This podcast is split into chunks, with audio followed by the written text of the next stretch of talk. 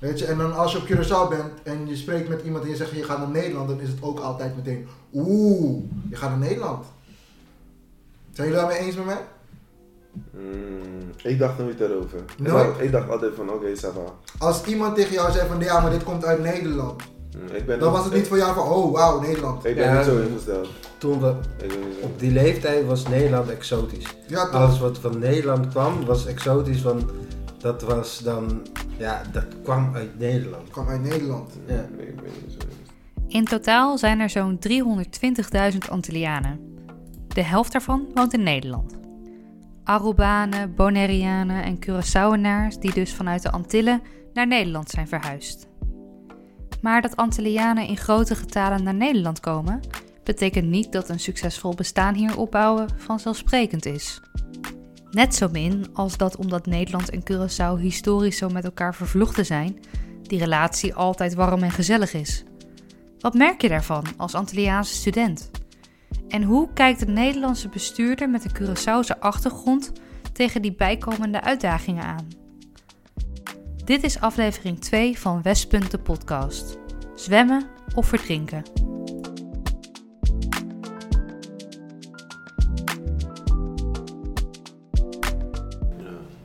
Is- Voor meer kansen. Voor meer kansen in het leven. Want kijk, ik, ik zou, als ik op Curaçao was gebleven, dan was ik een broeder geweest. Wat is een broeder? Eh, een verpleger. Oh ja, ja. Snap je? Zo- Dan zou ik de IV gaan doen. Verpleegkundige. Ja. Dat is de juiste term, verpleegkundige.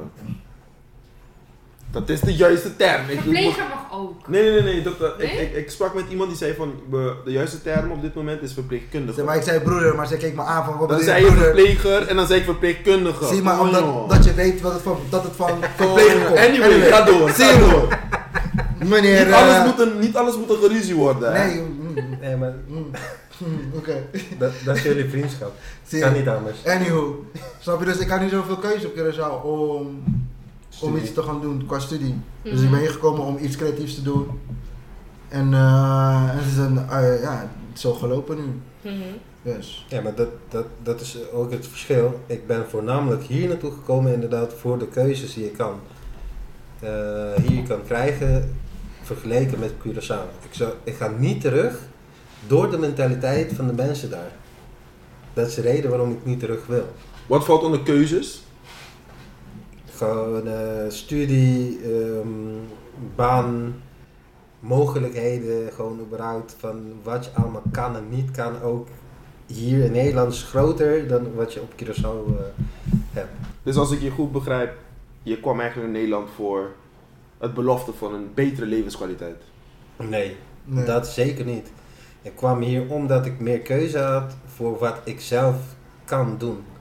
Op Curaçao ben je meer beperkt in je keuzes van ehm, werk en levensomstandigheden. Dat allemaal puur van wie je kent, hoe, waar je bent opgegroeid,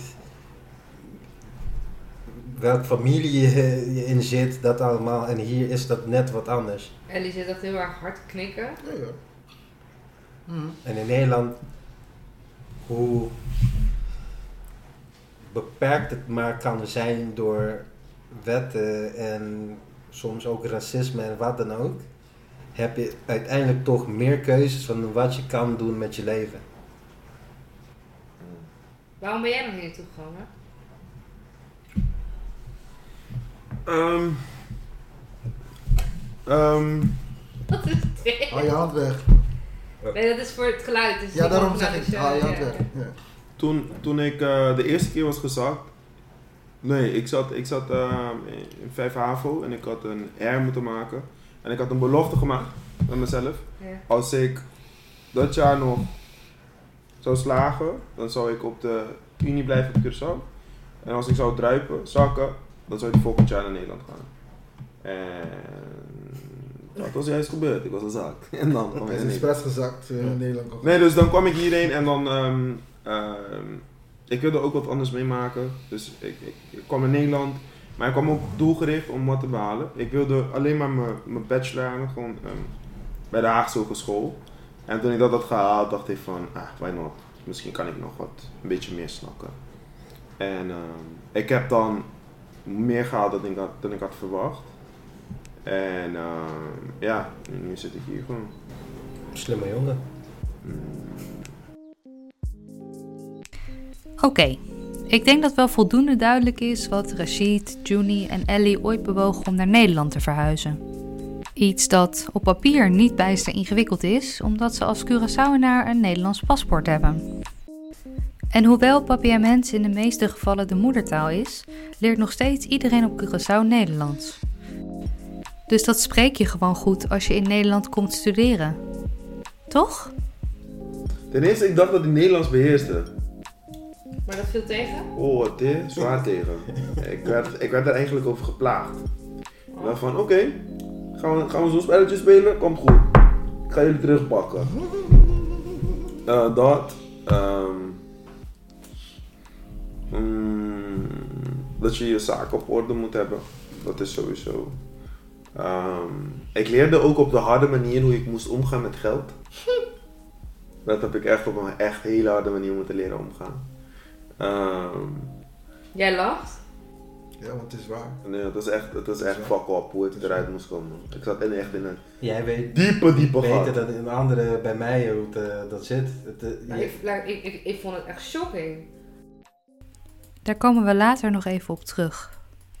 Maar het voorbeeld geeft wel alvast aan dat Curaçao en Nederland dus van elkaar verschillen. Zo wordt er bijvoorbeeld anders omgegaan met geld en schulden. Als iets oploopt dat de deurwaarde bij betrokken is, boy, dan heb je het wel echt, echt hard ge- opgepest op, met, met, met, eh, met je verband met die andere persoon. Eh, het loopt bijna nooit op met, de met de deurwaarde. Dat nou is, komt er in de krant te staan. ja, er, er, er gebeuren dingen van naming en shaming, wat hij daarnet heeft uitgelegd. Maar eh, dat het oploopt, dat een deurwaarde bij jou thuis komt, nee, dan, dan ben je echt Maar hoe moet me dat dan voorstellen? Worden dingen meer onder, onder de tafel geregeld of zo? Hij komt tot een compromis. En betekent respect hebben iets anders in relatie met bijvoorbeeld ouders of docenten. Ehm, de mee, kinderen met tegen hun ouders. ja. Tegen mijn ouders, ik heb echt super fucking veel respect voor mijn ouders. Ik ga niet zomaar dingen zeggen tegen mijn ouders. En dat is heel anders met de kinderen die hier zijn geboren in Nederland. Ja. Die hebben een veel grotere bek. Ik was een persoon, op, vooral op de middelbare school, was heel mondig. En ik kom altijd in de problemen met docenten. En toen ik naar Nederland kwam en ik rechten ging studeren, merkte ik van, in Nederland wordt het juist gewaardeerd als je mondig bent. Je, kan, eh, je, je leert dan, de docenten gaan jou zelf leren hoe je bepaalde zinnen moet formuleren, hoe je het goed kan formuleren. Op Curaçao wordt het uit de klas gestuurd. En zo zijn er natuurlijk nog veel meer zaken waaruit blijkt dat het hier om twee verschillende culturen gaat. Dat maakt de relatie tussen Nederland en Curaçao ook bestuurlijk soms best heel ingewikkeld. Iemand die daar veel over kan vertellen is de burgemeester van Houten, Gilbert Isabella. Ik ben Gilbert Isabella, 59 jaar, geboren op Curaçao, Willemstad. Dus een echte Judy Corsau, zoals dat heet. En ik ben in 1963 op driejarige leeftijd met mijn moeder en mijn twee broers weer teruggekeerd naar Nederland. Eh, mijn moeder is een Nederlandse, dus eh, zij ging na het stranden van het huwelijk met mijn vader weer terug naar Zeist, waar ik eh, vervolgens eh, ben opgegroeid. Ja. Een relevant detail is dat Gilbert Isabella voor zijn positie als burgemeester rijksvertegenwoordiger was van de Besseilanden. Nou, met de ontmanteling van het land van de Nederlandse Antillen in 2010 eh, moest er een oplossing gezocht worden voor de staatkundige structuur van de Nederlandse Antillen. Zoals wellicht bekend is Curaçao en Sint Maarten zijn landen geworden binnen het Koninkrijk, vergelijkbaar met Aruba, die natuurlijk al eh, jarenlang de status apartes had. En voor de drie kleinere eilanden, en dan hebben we het over Bonaire, Saba en Sint Eustatius, dus één benedenwindse eiland en twee bovenwindse eilanden, is er destijds voor gekozen in 2010, 10-10-10, eh, om de drie eilanden onder Nederlands gezag te plaatsen. En daar is een rijksvertegenwoordiger voor benoemd. Eigenlijk, ik, leg het altijd maar even uit als een, een re- commissaris van de koning, maar dan zonder provincie onder zich en slechts drie kleine eilanden heel ver weg van Den Haag eh, onder directe aansturing van de minister. En die laat zich dan vertegenwoordigen, het kabinet althans, door de rijksvertegenwoordiger. En, en hoe, hoe, hoe, hoe wordt dat dan ontvangen? Want je zegt al, ehm, iemand vanuit 8000 kilometer verderop, vanuit Den Haag, die heeft daar dan wat te zeggen dat op wordt, die eilanden. ja, dat, wordt, dat wordt natuurlijk gezien als van daar komt een pottenkijker uit Den Haag Ja? die ons komt vertellen wat wij moeten doen. Eh, en zo zie je dat ook. Het is ook eh, gebleken, na vijf jaar is er een evaluatie uitgevoerd hè, door de commissie Spies. Die hebben een eh, zeer lijvig rapport uitgebracht. Een aantal van de aanbevelingen die daarin stonden, die zijn helaas nog steeds niet uitgevoerd. En de vraag is maar even of dat gaat gebeuren. Want dat rapport dateert, doe ik het even uit mijn vanuit 2016. Eh, en daar werd ook wat gezegd over de positie van de Rijksvertegenwoordiger in verhouding tot de gezaghebbers, hè, de burgemeesters van de drie eilanden. Ehm, nou, daar zou het kabinet nog een standpunt over innemen. Er is ook een adviesaanvraag geweest bij de Raad van State. En ik moet heel eerlijk zeggen, ik ben inmiddels na vier jaar ook een klein beetje kwijt wat de status daar nu van is. Maar volgens mij was het de bedoeling om de functie van de Rijksvertegenwoordiger op te heffen. Mhm. En eh, wat meer bevoegdheden en gezag bij de, de gezaghebbers zelf neer te leggen. Ja. En dan zeg maar die directe band die er dan is tussen het ministerie van Binnenlandse Zaken en Koninkrijksrelaties, Mhm. om die wat te verstevigen. En eh 10-10-10, een ontzettend belangrijk moment natuurlijk in de, de Curaçaose recente Ja, want toen werd de bandera gehesen, de Ja. eigen vlag van Curaçao als onafhankelijk land binnen ons koninkrijk. En dat is op zich wel, eh, wel bijzonder, hè, want ik, moest er, eh, ik had er bijna een tweet aan gewijd. Toen er werd meegedeeld door het kabinet dat het reizen binnen het koninkrijk wel was toegestaan in het kader van alle COVID-19 maatregelen. En ineens werden Curaçao, Aruba en Bonaire heel aantrekkelijk. Ja? Want die vallen binnen het koninkrijk, maar zijn wel eh 7500 kilometer verderop gelegen. Ja. Maar ineens wisten alle Nederlanders waar ze lagen. Dus dat was wel een bijzondere ontwikkeling, moet ik zeggen. Want heel veel Nederlanders weten eigenlijk bijna niets tot eigenlijk niets van de eilanden. Nee. En hoe is het andersom? Ja, kijk, op de eilanden eh, richt iedereen zich nog steeds op het zogenaamde moederland. Hè. Dat is het natuurlijk helemaal niet meer, Nederland. Maar alle kinderen en zeker wat oudere mensen zijn natuurlijk altijd opgevoed met Nederland is, Nederland is ons moederland. Dat doet me denken aan Papai, de inmiddels overleden opa van Rashid, waarvan ik het geluk heb gehad hem nog te mogen ontmoeten. Jouw opa had, die keek elke dag het weerbericht van Nederland. White beats me. is echt zo. Ik ging de eerste keer naartoe. Papa, papa was volgens mij de enige in jouw familie die heel erg blij was dat je Nederlands had meegenomen. Want die was echt helemaal fan van Nederland. Ja, die vertelde heel trots. Hoe oud is, je, hoe oud is papa? Die was... Eh, Dan is- tegen de 80. Ja. Sowieso. Sowieso. Mijn ta- mijn oma heeft dat ook. Ja. Met eh, Koningsdag gaat Ja. ze allemaal versieren in oranje.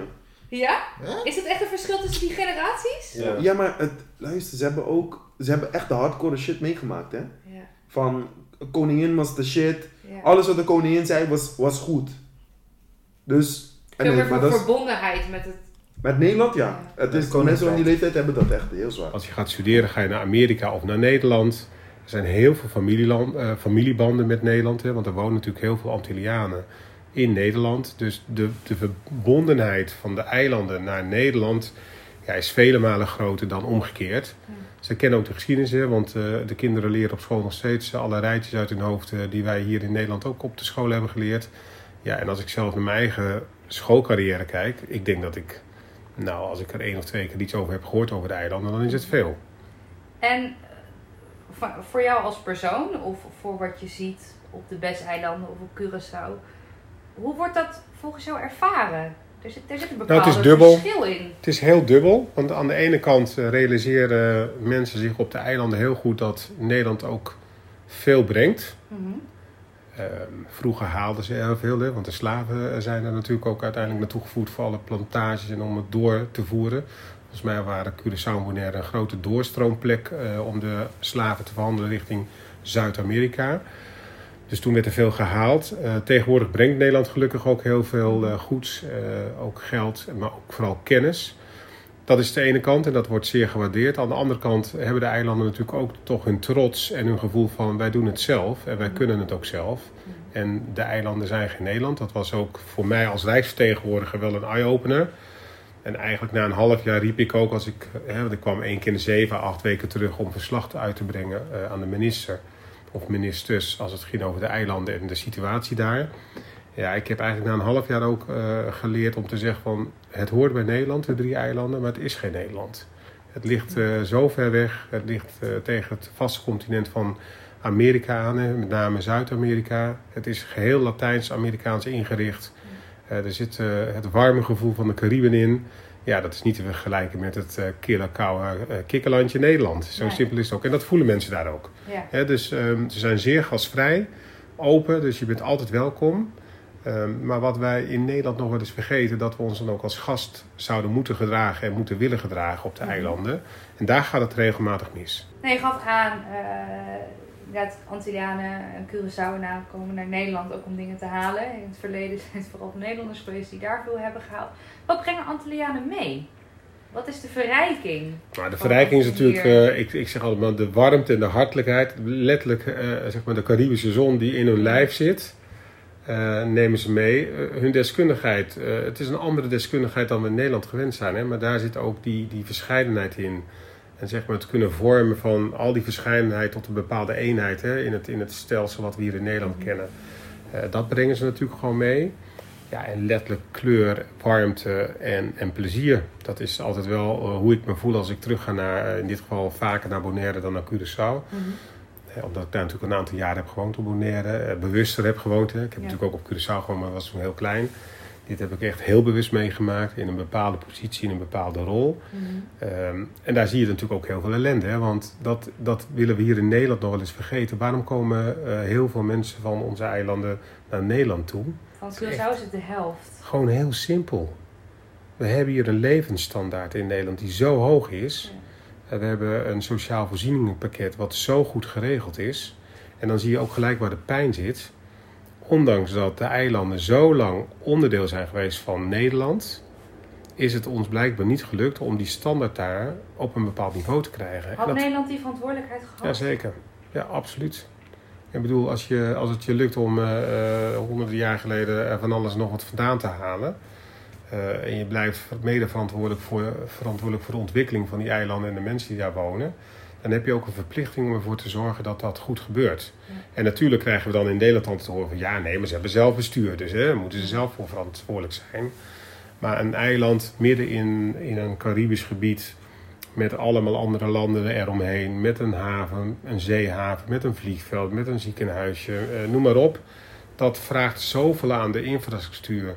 Terwijl er eigenlijk geen werkgelegenheid is. Hè? Want nou ja, als je, er wel eens, je bent er wel eens geweest, dus je weet ook hoe warm het er is. Ja. Wat er wel en niet kan, verbouwd kan worden. Bijna Zeer niets.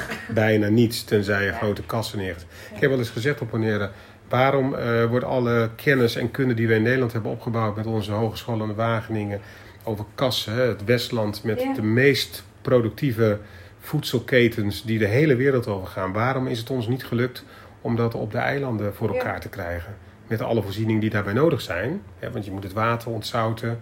Maar we hebben toch techniek, we hebben toch kennis, we hebben vaardigheid. Als er een land is dat dat kan, is het Nederland. Dan is het Nederland, toch? Ja. Ja. dat is dus blijkbaar niet voor elkaar gekomen. Nou, gemiste kans. Waar zit dat hem in, denk je? Dat weet ik niet. Ik weet, en dat zal ongetwijfeld ook te maken hebben met eh, dat er wellicht ook op de eilanden de houding is van u komt ons hier niet vertellen hoe wij het moeten doen. Ja.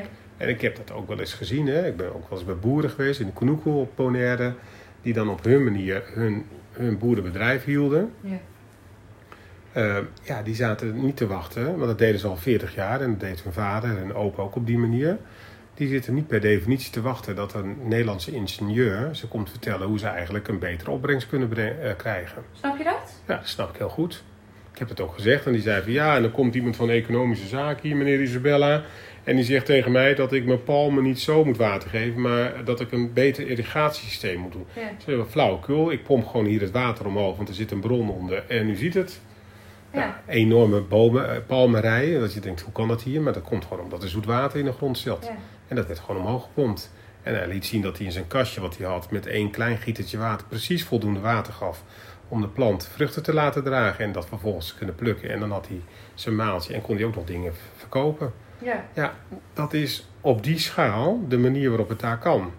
Als je met elkaar in gesprek gaat om te kijken hoe zouden we het beter kunnen doen, zodat er meer opbrengst komt, en je doet dat samen met elkaar, dan wordt het een ander verhaal. En dat En is dat- nu niet gebeurt. En dat gebeurt onvoldoende. Ik zeg niet dat het niet gebeurt, want dat, is ook, dat, zou, ook, dat zou ik Nederland tekort doen. En dat is echt niet mijn bedoeling. Maar het gebeurt onvoldoende. Mhm. En het wordt onvoldoende herkend eh, door de eilanden zelf. Hè, dat dat wellicht erachter zit. Ja, dan moet Ja. je met elkaar over praten. Dan moet je met elkaar over communiceren. Er zit natuurlijk veel onder nog, hè? Onder het oppervlakte. Nou ja, en dat hè. En dan als je dan kijkt naar, hè, want we hadden het over waarom, hè, waarom zijn er zoveel Antillianen in Nederland. Als je hier eh, naar de sociale voorzieningen kijkt en je kijkt naar bijvoorbeeld de armoedebestrijding op de eilanden. ja. Ja, dat is, dat is beschamend. Ja. Laat ik het maar gewoon ronduit zeggen. Dat is Ik, weet- beschamend. ik weet nog dat ik daar onwijs van schrok de laatste keer dat ik er was en dat ik met mijn schoonzusje sprak over iets heel simpels als vakantiedagen. Wat ik als zo vanzelfsprekend altijd aannam van ja, op Curaçao dat is dan toch hetzelfde geregeld. Ja, en dan, uit, waar heb je het over? ja, en dan, dan, dan komt natuurlijk gewoon de wetgeving van het land Curaçao zelf aan de orde. En daar is het allemaal net anders geregeld. Maar dat, is natuurlijk, dat heeft natuurlijk ook te maken met de ontwikkeling die de eilanden hebben doorgemaakt. En ik vind op zich prima dat ze hun eigen ontwikkeling doormaken. Maar als het gaat over hoe help je elkaar nu. Hè? En ik vind het wel heel mooi. Ehm, ik, ben, ik, ben hem he- ik kan hem niet meer helemaal reproduceren. hè, Maar er staat een onafhankelijkheidsmonument op Curaçao. Hè, waar, waar in ieder geval de laatste zin is: met de wil elkaar te ondersteunen waar nodig. Ja.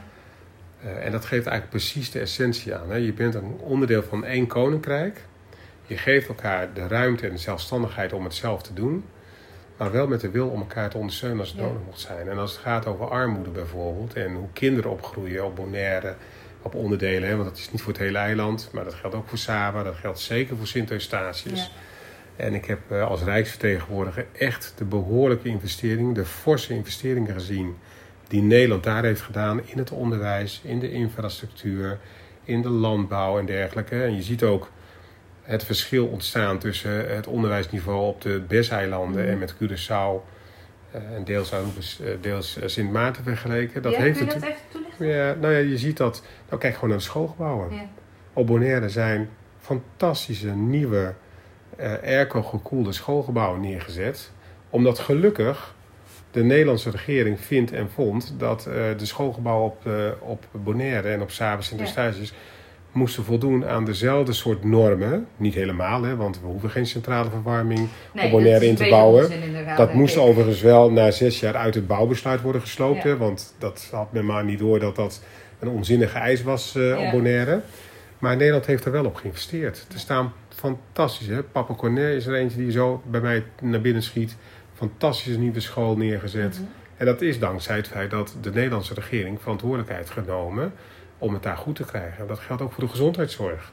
De gezondheidszorg op de drie BES-eilanden is van een heel hoog niveau geworden. Ja. En daar waar we het niet op de eilanden kunnen doen, is het, wordt het ingekocht Ja. bij de beste specialisten in Colombia, om even een voorbeeld te noemen. Ja, dat heeft Curaçao niet. Nee. Zo simpel is het. Maar- Eh, als ik eh, op, in, het, eh, in het hospitaal in Bonaire, toen ik daar voor de eerste keer binnenstapte, dacht ik, het is alsof ik hier in het ziekenhuis van Zeist binnenstap. Regionaal, maar wel conform de, de wetgeving en de normen zoals we die in een Nederlands ziekenhuis stellen. Ja. Ja, dat is fantastisch. Opleidingsniveau van de verpleegkundigen daar, hartstikke hoog en zeer goed geëquipeerd. Dat heeft wel te maken met de investering die het kabinet daar heeft willen doen. Mhm. Nou, en dan hebben ze het op een aantal onderdelen, niet onbelangrijk voor de mensen daar, net eventjes niet helemaal goed geregeld.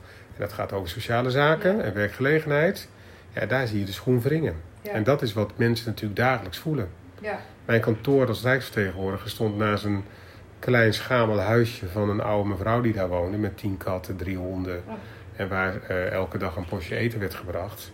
Zo ben ik ook wel eens binnengelopen. Toen dacht ik, ja, ik schaam me mijn ogen uit mijn kop dat ik naast haar eh, zit in een fantastisch kantoorgebouw. Terwijl zij eigenlijk eh, een lekkend dak heeft. En nou, als er een windverlaag overheen komt, is het huisje weg. Wat in Nederland, hier Wat in Nederland- de provincie ondenkbaar zou zijn. Ondenkbaar. Ja. Zou direct onbewoonbaar worden verklaard. Ja. Eh, en eh, onze woningbouw en onze huisvesting is natuurlijk fantastisch. Ja. En als ik dan bijvoorbeeld een Ben Oliana, directeur van de woningcorporatie op Bonaire, eh, zijn pleidooi zag houden om 500 nieuwe sociale huurwoningen te mogen bouwen. En de regelgeving die dan in Nederland geldt om als toegelaten instelling, zoals dat dan heet, Ja. dan ben je een erkende woningbouwcorporatie volgens Ja. het Nederlandse bestel. En dan kun je lenen tegen, tegen lagere tarieven en dan kunnen de huren naar beneden en dan worden die investeringen lager. Nou, dan gaan ze maar door. Ja, dat lukte alsmaar niet, want ja, eh, de corporatie Noscas op Bonaire was niet een toegelaten instelling zoals we dat in Nederland kenden. Ja. Jarenlange discussies over gevoerd. Het is echt bureaucratische onzin Nou, eigenlijk. bureaucratische onzin en onbegrip. En Ja. het niet willen horen wat daar nodig is. Ja. En dat maakt het wel heel pijnlijk. En daar zit ook heel vaak. Nou, dat, dat dubbele gevoel. Hè? Aan de ene kant heel dankbaar zijn om datgene wat Nederland er investeert. En tegelijkertijd ook weer heel boos kunnen zijn op Nederland omdat het niet voldoende is. En dat niet voldoende wordt in Nederland dan altijd weer als ondankbaar ervaren. Hè, want we doen toch al zoveel? Ja, er wordt heel veel gedaan. En met dank en met recht. Eh, maar luister En dat ook... is ook inderdaad, hè, van, heb je, die verplichting heb je ook wel een beetje. Ja, een beetje wel. Ja, hoe, Eh, hoe dankbaar moeten we zijn? En pak hem dan op, hè. En eh, ga niet voortdurend vragen dat ze op de knieën vallen om je dankbaar te zijn. nee, dat is heel ingewikkeld. En dat is heel ingewikkeld en dat maakt het ook ingewikkeld. En het komt altijd, het klopt in al die jaren dat ik er nu wat nadrukkelijker bij betrokken ben, klopt dat op gezette tijden weer op. En dan heb je een hele ingewikkelde en moeilijke en ook vooral moeizame discussie. En dat is jammer, want dat, weet je, dan heb je eh, drie maanden lang, toen mee, toch een beetje ruzie met elkaar. Nou, dan worden die verhoudingen weer wat, weer, zijn weer wat vertroebeld. En dan ben je weer gewoon een half jaar bezig om dat weer goed te maken. Ja, dan dient zich wel weer de volgende crisis Ja. voor. En dan begin je weer opnieuw. ja, Dus je komt, je komt zo weinig vooruit met elkaar. ja. En dat, mag, dat mogen de eilanden zich aantrekken. En dat mag Nederland zich aantrekken, wat mij betreft. Begrijp ik het al goed dat met name een soort van mijn miskenning is van de culturele verschillen die er zijn, of het begrip of wat eronder zit. Ik weet niet of het miskenning is, over en weer. Hè. Het is denk ik toch ook gewoon... ehm, je zit zo ver van elkaar af. Ik heb het zelf gemerkt. Na een half jaar, ik ben, ik ben gewoon een Nederlandse bestuurder. Mhm. En ik zat een half jaar op Bonaire, hè, want de wet verplicht de reisvertegenwoordiger standplaats Bonaire. En na een half jaar dacht ik, goh, wat merk ik toch hier? En werd ik gewoon, ja, ik was vandaar. Als ik in Den Haag kwam, Ja. dan werd ik aangegeven van, oh ja, dan heb je die reisvertegenwoordiger, die Isabella, die komt van de eilanden. Eh, oh ja, ehm, dat ik echt dacht, hè? En ik heb ook eens tegen ambtenaren gezegd op die ministeries, even voor de goede orde, hè. Ik word namens het kabinet, zit ik daar, om de dingen op toezicht te houden, om dingen te vergemakkelijken, Ja. om informatie van de eilanden naar Den Haag te brengen en informatie van Den Haag naar de eilanden. Dus ik weet niet waarom je zo doet zoals je doet. Zeg maar, doe even normaal. Want anders ga ik naar de minister toe. En dat was mijn enige eh, belangrijkste instrument wat ik had. Ik had toegang rechtstreeks tot, Tot alle, minister, kabinets, ja. tot alle kabinetsleden. Dus ja, soms was jij wij en soms was jij zij. Afhankelijk van hoe de vlag erbij hing. Nou ja, en vooral hoe de ander naar mij keek. Want dat vond ik zeg, dat heb ik, dat heb ik echt als een hele wonderbaarlijke ervaring. En toen dacht ik, dit is dus de ervaring die eh Antilliaanse bestuurders hebben als ze naar Nederland komen. Ja, Want dan wordt er naar ze gekeken van, oh, daar heb je, daar heb je hun van, eh, van die eilanden. Die komen weer wat vragen. Die komen hun hand ophouden. ja. En als ik dan als rijksvertegenwoordiger weer terug ging naar eh, de eilanden, dan dat ik, zag je dat ze denken, oh ja, hij is in Den Haag geweest, dus hij heeft allerlei opdrachten meegekregen. Dus hij komt ons hier weer vertellen wat we moeten. Ik voel de spanning. Tussen wat Gilbert mij vertelt, de gated communities die Kevin al even aanstipte, maar met name het erfpachtgevoel dat Juni al eerder beschreef. De relatie tussen Curaçao en Nederland staat volgens iedereen die ik spreek regelmatig intens, maar altijd minstens een beetje onder druk.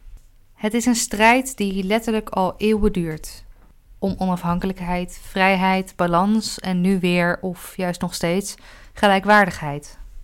En dat begint volgens Juni al bij het feit dat het onderwijscurriculum van Nederland ook op Curaçao wordt toegepast. Ja. Ik, denk, ik denk sowieso, er is een vertekend beeld. Dat is sowieso.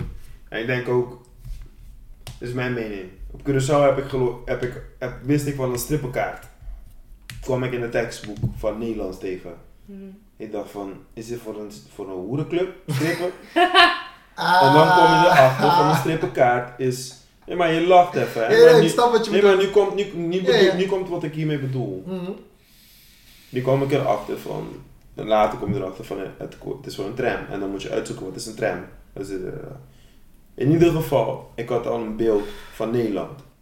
Heb jij ooit in je boek iets gelezen over hoe je de bus moet pakken op Curaçao? Nooit. Hoe we bon dia zeggen? Nee. Waarom op pastijtjes eten? Nee, Wat betekent at de, bij, de, bij de snack staan, twee biertjes doen? nee. Ehm, ik wist wat een rijtjeshuis was, voordat ik in Nederland kwam. Ja. Dat krijgen we in de wiskundeboeken. En dat, dat is En wat geen ik, eh, enkele Nederlander weet, weet, heeft, voordat ze, behalve jij, omdat je niet met een relatie met hem zit, Mhm. Nederlanders hebben geen beeld van Curaçao. En dat vind ik, dat vind ik schandalig. Mhm. Dat vind ik echt schandalig. Ja. Maar ja. Nee, maar dat is wat ik bedoel. De curriculum op Curaçao komt vanuit Nederland. Mhm. Dus wij, We maken zelf wij- een staatexamen, hè? ja, wij krijgen alles te leren. In principe grotendeels wat Nederland is. Maar andersom weet geen 9 90 tot 99 procent van de Nederlander weet niks over, Curaçao. Wat verder gaat dan een mooie strandvakantie en misschien de Pontjesbrug. En En dat we in hutjes leven en als we ons rijbewijs halen, dat, we, dat we, een paar rondjes om een palmboom heen rijden. en dat wij alleen maar Wait, wait, lekker... what, the fuck up? What? dat wij alleen maar oh, lekkere... hebben we dat nog nooit gehoord? Nee? Oh, oké. Toen ik hier pas kwam wonen.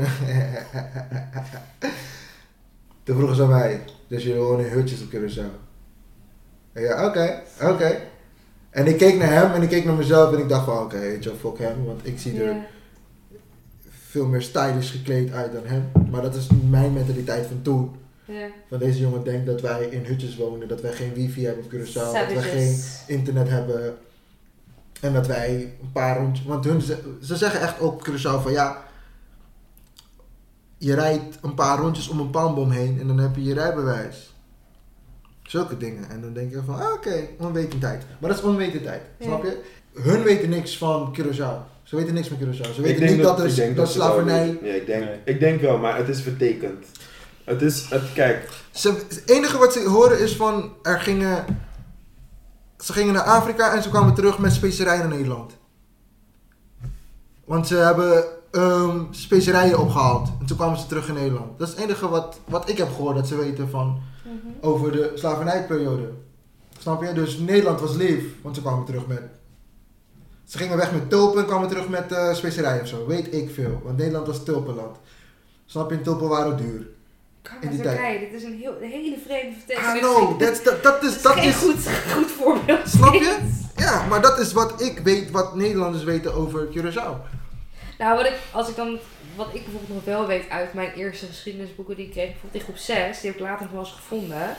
Daar was dan een hoofdstuk over slavernij. Dat, dat was dan wel de schepen uit Afrika en hoe dan alle mensen in het ruim daar. Dus dat, dat, dat was wel een beeld wat ik toen al heel erg heftig vond. En dat vond ik wel, dat keek ik op van, oh, oké, dat dat toen al wel dus ehm, gedeeld werd, hoe heftig dat was. Maar als je dan vervolgens een paar hoofdstukken verder kijkt naar slavenopstand, dan wordt wel de zwarte persoon en de tot slaaf gemaakt als agressor heel sterk neergezet. Terwijl, en dat draagt denk ik onbewust heel erg bij aan dat beeld van de savage. En dat heeft heel lang doorgewerkt op mijn beeld van Curaçao. Van weliswaar vrijgemaakt vanuit de WIC, voormalige kolonie, maar nog steeds zwarte mensen, eh, veel plantages, groen. Maar ja, wel beduidend minder ontwikkeld. Mhm. Mhm.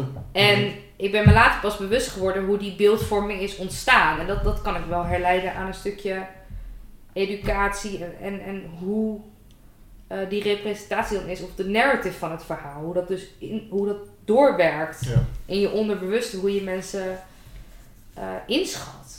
Het was in elk geval niet als zijnde dat het toeleidde naar een, een, een eindstand eh, gelijkwaardige mensen binnen het koninkrijk. Absoluut niet. Nee, zeker niet. Dat zeker niet. Zeker niet. En op de middag was ja, ik weet het. Maar ja, beperkt.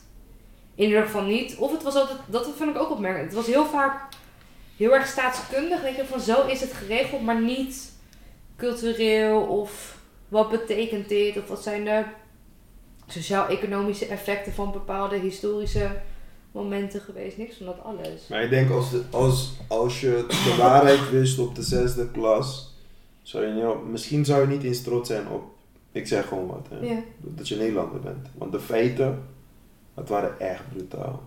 Het Ja. waren echt van, er was een opstand en dan, de slaven konden nergens in, dus dan gaan ze een heuvel op.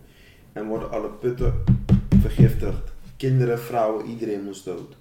Als ze Tula hadden, om- hadden kunnen vangen, Tula werd kapot geslagen. Dus letterlijk zijn, zijn bot werden gebroken, onthoofd in het water gegooid, samen met zijn vrouw ook in het water gegooid. En het enige wat ze wouden waren, waren vrijheid. Je had de bomba, er was echt een hiërarchische structuur van de bomba die die slaven alleen maar moest slaan en drijven. Dus echt slaven drijven met dat, met die, met dat, met dat houtje, gewoon, met dat touwtje bedoel ik, gewoon kapot slaan. Van die dingen had je. Dus misschien is het toch wel beter dat je niet, die dingen niet wist, want ik denk dat je dan echt een, een, een schok zou krijgen Ja. van jeetje, waren we echt zo erg? En dat niet Want het alleen is, tegen Curaçao, ook tegen andere landen. Ja, maar is dat beter? Indonesië. Ja, kijk, niet op die leeftijd. mm, Nou, Niet op die leeftijd. nou, waarom niet? Ja, eigenlijk wel. Ja, eigenlijk Ja, wel. Is dat beter? Eigenlijk Want wel. als je op die leeftijd weet hoe jouw land een andere eiland heeft behandeld, zou je op een, op, een op een hogere leeftijd Ik weet niet wat. anders omgaan met de mensen die daar vanuit komen. Kijk, ik kan, ik kan twee dingen zeggen. Wacht even. eh, eh, eh. We hebben je vinger gezien, Ellie. Kijk, ik, ik, ik, ik, heb, er- ik heb hier twee dingen over te zeggen. Bijvoorbeeld mensen die op Curaçao... eh, dus op Curaçao heerst er nog steeds een beetje van schaamtecultuur over slavernij. We waren, we waren slaven. Hoe konden we slaven zijn? Hoe konden we ehm, zo onderdanig zijn geweest tegenover Nederlanders? Dat is één. En twee, als je in Duitsland bent, hoe Duitsers over zichzelf denken... Hmm. Ik heb dat nooit in mijn leven meegemaakt. Ik vroeg nog aan een Duitser van, hey, ben je trots als je Duitser bent? Jullie hebben BMW, Mercedes, dat zijn echt beste auto's die je kan bedenken. Goede voetbalteams. Ja, een van de beste voetbalteams ooit. En dan zeiden ze van nee, want wegens de Tweede Wereldoorlog, bla bla bla. Dus ik vraag me af, zou het beter zijn of je het vanaf een, een, een jongere leeftijd zou krijgen? Ik weet niet. Ik weet niet, want het weet, ik weet ook niet wat het met een, met een mens zou doen. Sterk. Kijk, je moet ook beseffen van ehm, hoe dan ook, slavernij werd, het werd gedaan. Maar ik kan je niet elke consequentie, elke gevolg, het ligt niet op jouw rug. Nee. Alhoewel je de voordelen hebt, ik kan je niet elke keer in rekening brengen voor iets wat je voorouders hebben gedaan. Nee, maar ik denk wel dat het noodzakelijk is om die context goed te begrijpen. Om vervolgens met elkaar eerlijk te kunnen spreken over de gevolgen die het nog steeds heeft. Ja. Over privileges, misschien Ja, over. Maar, maar kijk, je Nee, denkt- maar Sorry, maar wacht even. Wat ik hiermee bedoel is, kijk, er is heel veel in de geschiedenis na slavernij die is gebeurd met Curaçao, waar er geen enkel aandacht wordt gegeven. Nou, de koloniale tijd aan zich is, een, is daar al genoeg over te zeggen. Nee, maar ik bedoel, ik bedoel iets heel simpels, hè. Na de Tweede Wereldoorlog, Mhm, wij gaven hulp. mhm. Een klein eiland gaf bijna, ik weet niet, 300.000 of zo in, in de jaren 40. Dat is heel veel geld, dat is bijna 50 miljoen. Voor een klein eiland. Ja. Wederom een onbelicht stukje geschiedenis. De Antillen toonden zich trouwe, sterke bondgenoten van Nederland tijdens de Tweede Wereldoorlog. In één dag werd er 270.000 Antilliaanse gulden opgehaald voor Nederlandse oorlogsslachtoffers onder de bevolking van 70.000 inwoners. Daarbij spendeerde de Antilliaanse regering vrijwillig ook nog eens een slordige 7 miljoen gulden aan de verdediging van het eiland in Nederlands belang. En niemand zei van, we gaan niet we hebben ondersteund. Toen de Duitsers op de kust zaten, dat is echt iets wat gebeurde. Dat is echt gebeurd. We, deden, we waren geen bitches en zeiden van, nee, we willen nu onafhankelijkheid, want Nederland was zwak. We hadden, we hadden onze broeders geholpen. Dus we waren slaven en we hadden ook, naast dat we slaven waren, hadden we nog steeds de baasje moeten helpen. En wanneer, en wanneer wij in de kut zitten, omdat we tien jaar ehm, autonomie hebben, worden wij daarvoor afgerekend. Ja. Elk ander Nederland bestaat hoeveel jaar? 500 of zo? En heeft allemaal bullshit kunnen doen. Slavernij. Ze, waren, ze, ze, ze deden van alles en nog wat. En ze konden nu op hun voeten staan. Elk land, wanneer ze, de eerste, wanneer ze eh, onafhankelijkheid krijgen, de eerste bijna 200 jaar, is het zo slecht gegaan. Struggle. Ja, de enige land wat redelijk ongeveer is geweest, is de VS. Maar die hebben ook allemaal rare shit lopen uithalen. Het was een kolonie van Engeland. En toen ze nog steeds eh, onafhankelijkheid kregen, hadden ze wat jaren waar, ze, waar het niet goed ging. En dat weten we. Het, er zitten gewoon wetenschappers in Nederland die dit, deze feiten weten. Maar als er corruptie daar op, op een eiland is, waar mensen voor het eerst echt zeggenschap hebben, gaan we, gaan we tikken. Ja. Er zitten hier mensen met een tevendeal. Mensen zitten, lopen, lopen de hele tijd te jatten. Er zijn hele provincies waar burgemeesters, ehm, ehm, burgemeesters, rechters, politieagenten corrupt waren. Maar als wij wat fout doen, dan worden we meteen afgerekend. Nee. Toeslagenaffaire. Ja, toeslagenaffaire. En dan zetten we ze zeggen van, hé, hey, mooi Bicobello. Wacht, dit komt terug aan, aan mijn eerste stelling van bewonen Curaçao is het erfpacht. En, als je, en je wilt nooit een baasje eh, boos laten maken. Daar gaat het erop neer. Het is niet ons land. De baas kan altijd komen zeggen van, oh, jullie willen geld? Haha, dan moet je dit gaan doen. Je moet, je moet nu dansen. Wil je, wil je dit krijgen, dan moet je dat doen. Baasje komt altijd terug. Baasje komt altijd terug en die zegt van... Hier, ik wil mijn school hier hebben. Hier, ik wil mijn supermarkt hier hebben. Zie je de buurt? Het heeft een mooie, mooie strand. Is van ons. Dat is Voor een wat? feit. Voor wat komt wat of zo. Ja. Toch? Wordt dat wordt het. Ja. En het komt terug aan, aan wat Rashid zei. Van dat hele gesprek wat we hadden met eh, je voelt je niet thuis en dit en dat, dat. Op Curaçao is het gewoon zo. Het is een erfpacht. Het is niet ons land. We hebben daar geen zeggenschap. Ehm, als we gewoon de, de, de, de politiek bekijken. De enige mensen die echt kwamen, die opkwamen van het eiland. Zijn of dood. Gingen of vast. Zijn vermoord, niet dood. Ze zijn vermoord. Ja, die, die werden vermoord. Tot nu toe weet niemand wie de echte brein daarachter is. Maar we weten allemaal. Tussen de, tussen de lippen weten we allemaal wie de duivel heeft betaald. Of ga je de bak in. Op rare shit. Op rare shit ga je de bak in. No. No. Dubieuze zaken die bestaan. Maar zo dubieus? No, heb ik nooit in mijn leven gezien. Heb ik nooit in mijn leven gezien. Het wordt me alsmaar duidelijker waarom deze mannen naar Nederland zijn gekomen. Want als het land waar je bent geboren zo geleend voelt, hoe kun je je dan echt thuis voelen? Gemotiveerd om het te verbeteren of om er iets van te maken? En ik vraag me af of de lessen over de rijtjeshuizen en strippenkaarten Ellie, Juni en Rashid hebben voorbereid op wat hen nu echt te wachten stond in Nederland. En dat brengt ons terug op het punt waar we eerder pauzeerden over hoe Juni op de harde manier heeft leren omgaan met geld in Nederland. En over hoe ik me kapot was geschrokken van de administratie en schulden van Rashid toen wij een relatie kregen. Ik vind het puur samen op jouw verhaal echt schandalig. Want ik ben daarna ook ingedoken. De problematieken waar jij last van hebt gehad toen je hier naartoe kwam als het aankomt op studiefinanciering, op schulden, op dat soort dingen. Is er nul zorg vanuit Nederland. Het is van, oké, kom maar.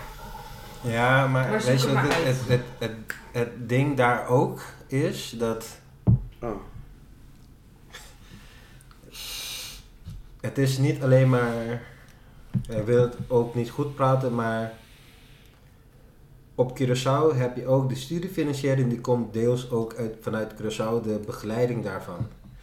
En die begeleiders daarin, die in principe ook niet de beste werk daarvan maken. In de zin van ze geven niet de goede informatie door en ook ze begeleiden jou ook niet op de goede manier hier in Nederland.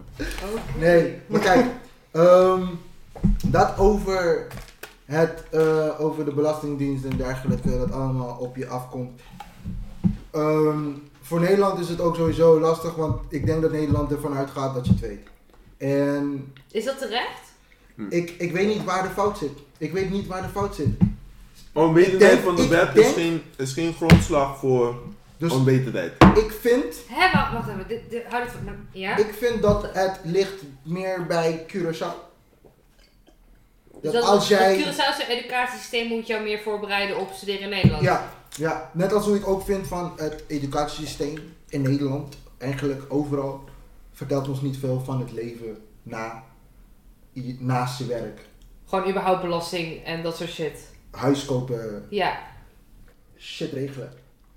Hoe, hoeveel van die shit krijg je daar eigenlijk nou mee op school? Ja. Snap je? Dus op Curaçao is het van, oh je gaat naar Curaçao, oh je gaat naar Nederland. Oké. Dit Ik heb zijn- wel, ik heb wel die zijn gesprekken gehad tijdens de studie hoor. Mm, Dat maar is je studie. Hoeveel, hoeveel, hoeveel, kan je, hoeveel weet je van Nederland als je op Curaçao bent en je bent nooit naar Nederland geweest? Hoeveel op basisschool moest ik ook hoofdstad van Groningen, al die rare provincies weten waar ik nooit... Wat? Ik ja niet. man! Op, Ik op de basisschool? Nee. Wat kregen Op jullie de op de basisschool? over Zie Nederland? man! Oh, op de basisschool?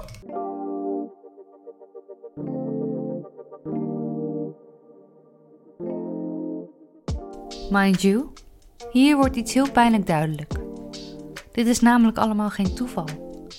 Het is geen toeval dat Juni als kind een grotere mond had en het gewend was om tegen docenten in te gaan en daar later in Nederland tijdens zijn studie zijn voordeel mee kon doen.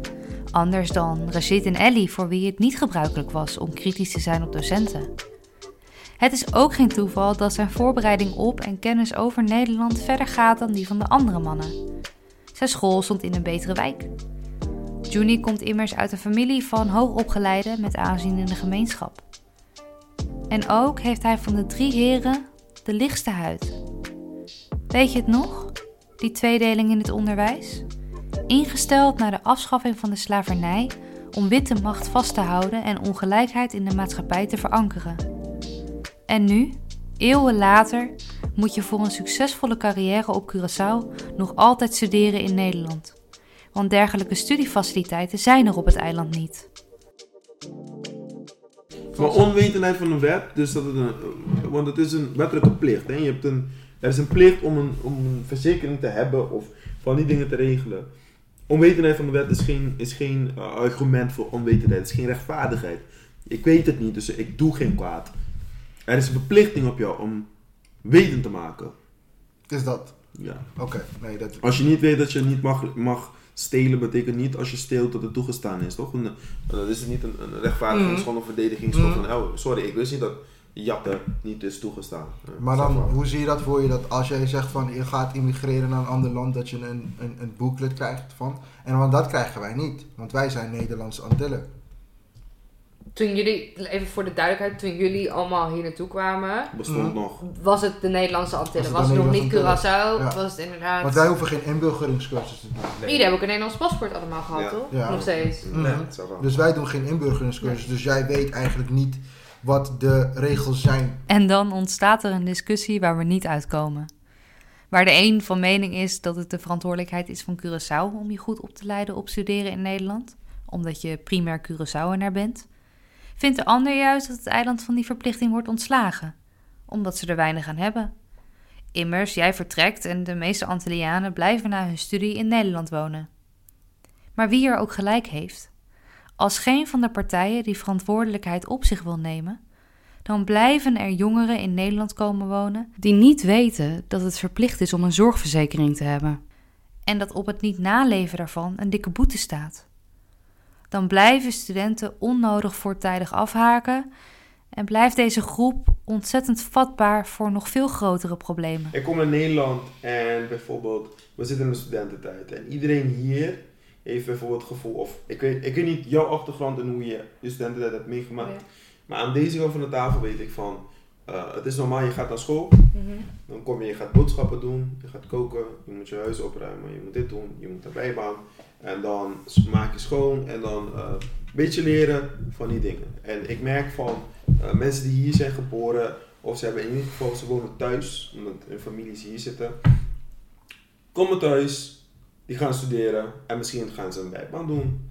Dus hun, hun ervaring gedurende de studententijd is compleet anders.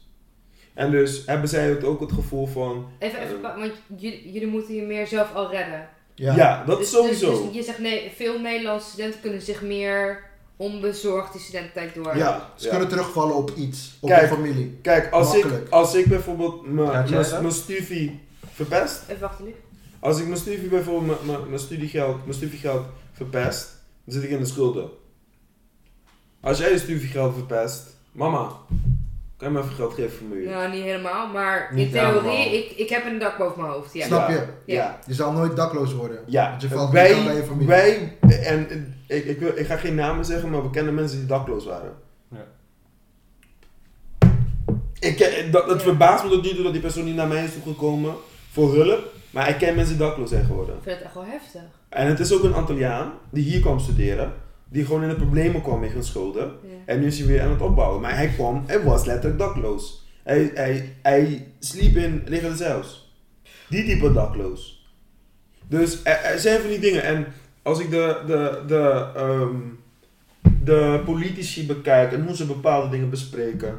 Hoe ze bepaalde dingen bespreken en wat ze, wat ze allemaal willen bereiken. Zeg ik altijd van, dit is echt voor eh, een normale Nederlander. Het is, er is geen enkele hint daarvan die zegt van, hé, hey, ehm, laten we dat, buitenlanders hebben het iets, iets erger, Curaçao's hebben het iets erger. Ik kan, ik kan nu, ben 90% zeker van, studenten uit Curaçao hebben een hogere studielening dan studenten uit in Nederland. Ja, kijk naar jou. Dat sowieso. Dat sowieso. En dan heb ik het niet over 2.000, 3.000. Ik heb het misschien Nee. twee keer dubbel of misschien drie keer zoveel. Maar dat is niet een probleem die wordt, die wordt benaderd of in ieder geval besproken door de politici. Dus hoe kan ik me hier thuis voelen als een groot probleem, zoals dit, nooit wordt besproken?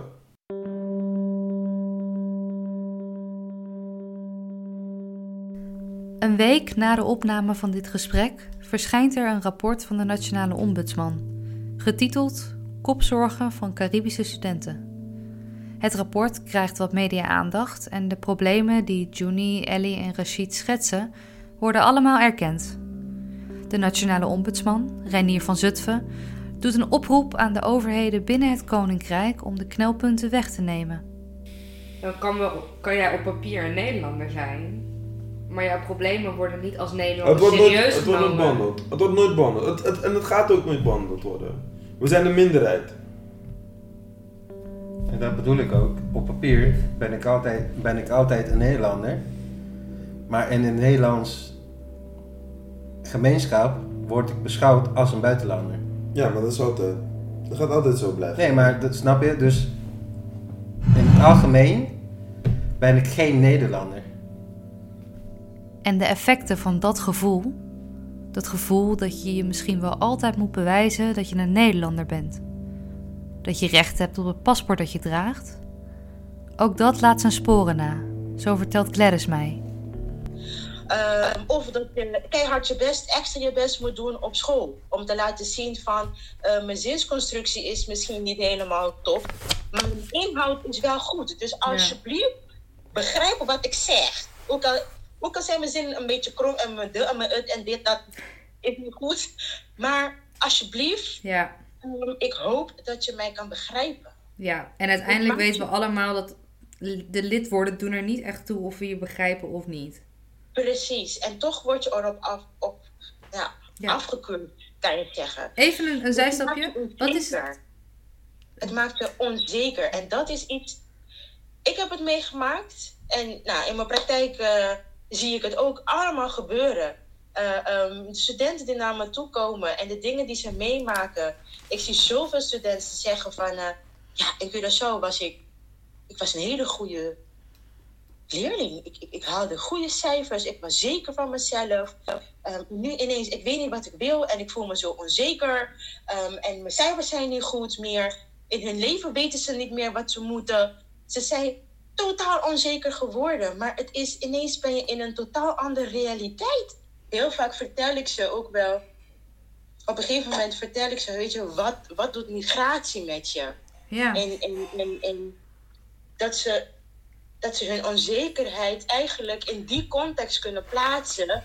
En eigenlijk weer contact kunnen maken met, nou, met wie ze zijn. Met, hun, met, met die persoon in Curaçao. Ja, ja, ja. Die zo zelfverzekerd was Ja. Dat ze weten, die persoon is niet weg. Maar het is door van alles en nog wat, dat je ineens niet meer, niet meer weet of niet zeker bent van, nou ja, ben ik wel zo goed erin? Of wat wil ik nou? En dit en dat. Alles komt samen. Zijn, zijn we, we als maatschappijen, dus meervoud, Ja, daar voldoende bewust van? Want ik kan me voor je hoort heel erg eh, bij mijn schoonfamilie ook. Als je slim bent, je kan goed leren. Eh, je gaat op een bepaald moment naar Nederland om te studeren. Dat wordt ook gestimuleerd. ja, Eh, jongeren uit andere soorten gezinnen eh, maken zelf die keuze. Ik wil iets anders met mijn leven. Rashid is daar een voorbeeld van.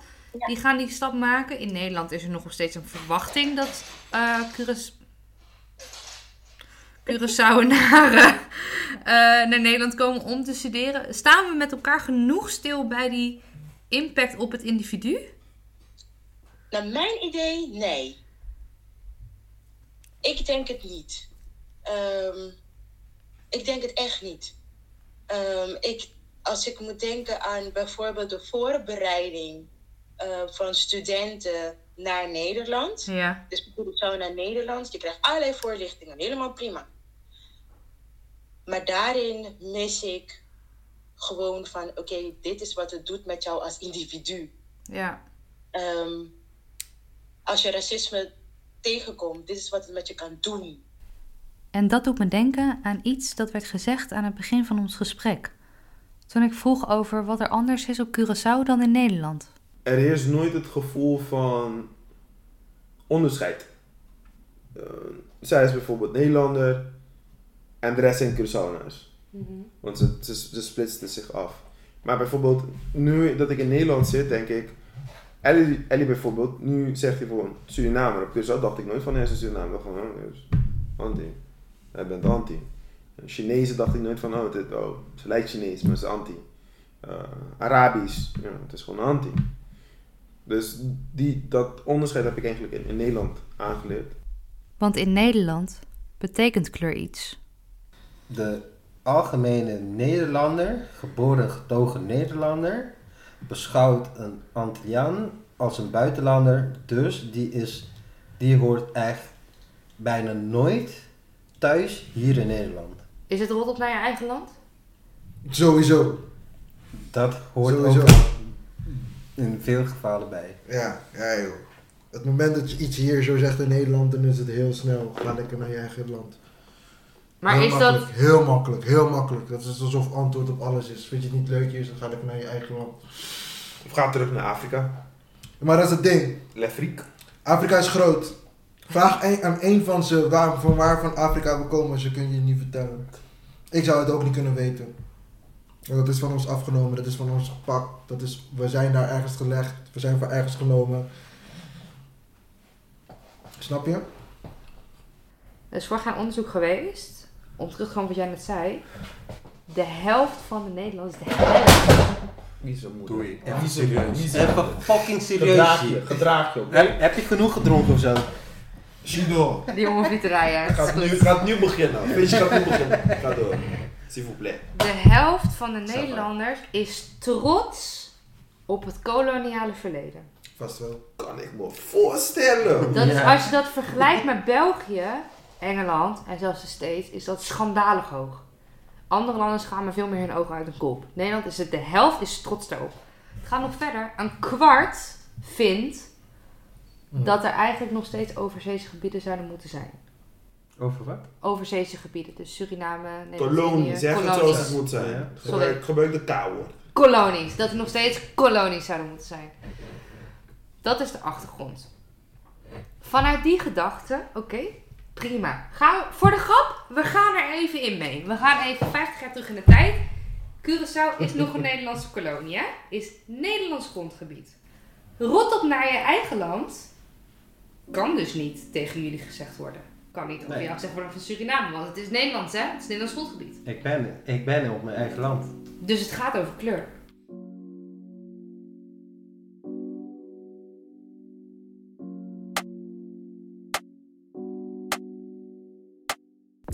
Volgende keer in Westpunt de podcast praten we verder over kleur. Maar ook over hoe het gesprek daarover juist zo op slot lijkt te zitten. Je sluit dat hele stuk dat voor mij belangrijk is, sluit je uit. Het verschil tussen je aanpassen en erbij horen. Op werk ehm, probeer ik mijn stem ietsjes hoger te houden, minder bas. En ik bevraag al mijn gasten over mogelijke oplossingen voor de complexe, veelkoppige uitdagingen. Jij moet vragen stellen om sommige dingen te begrijpen. Je hoort het in aflevering 3. Kleur bekennen. Me acabei começar Ya vou me que trumi mas no, no, no Pa mi que lanta Trare comigo Cana pa mi llega yeah. Saco mi que hopi yeah, yeah Hopi yeah, yeah Saco mi que hopi yeah, yeah Hopi yeah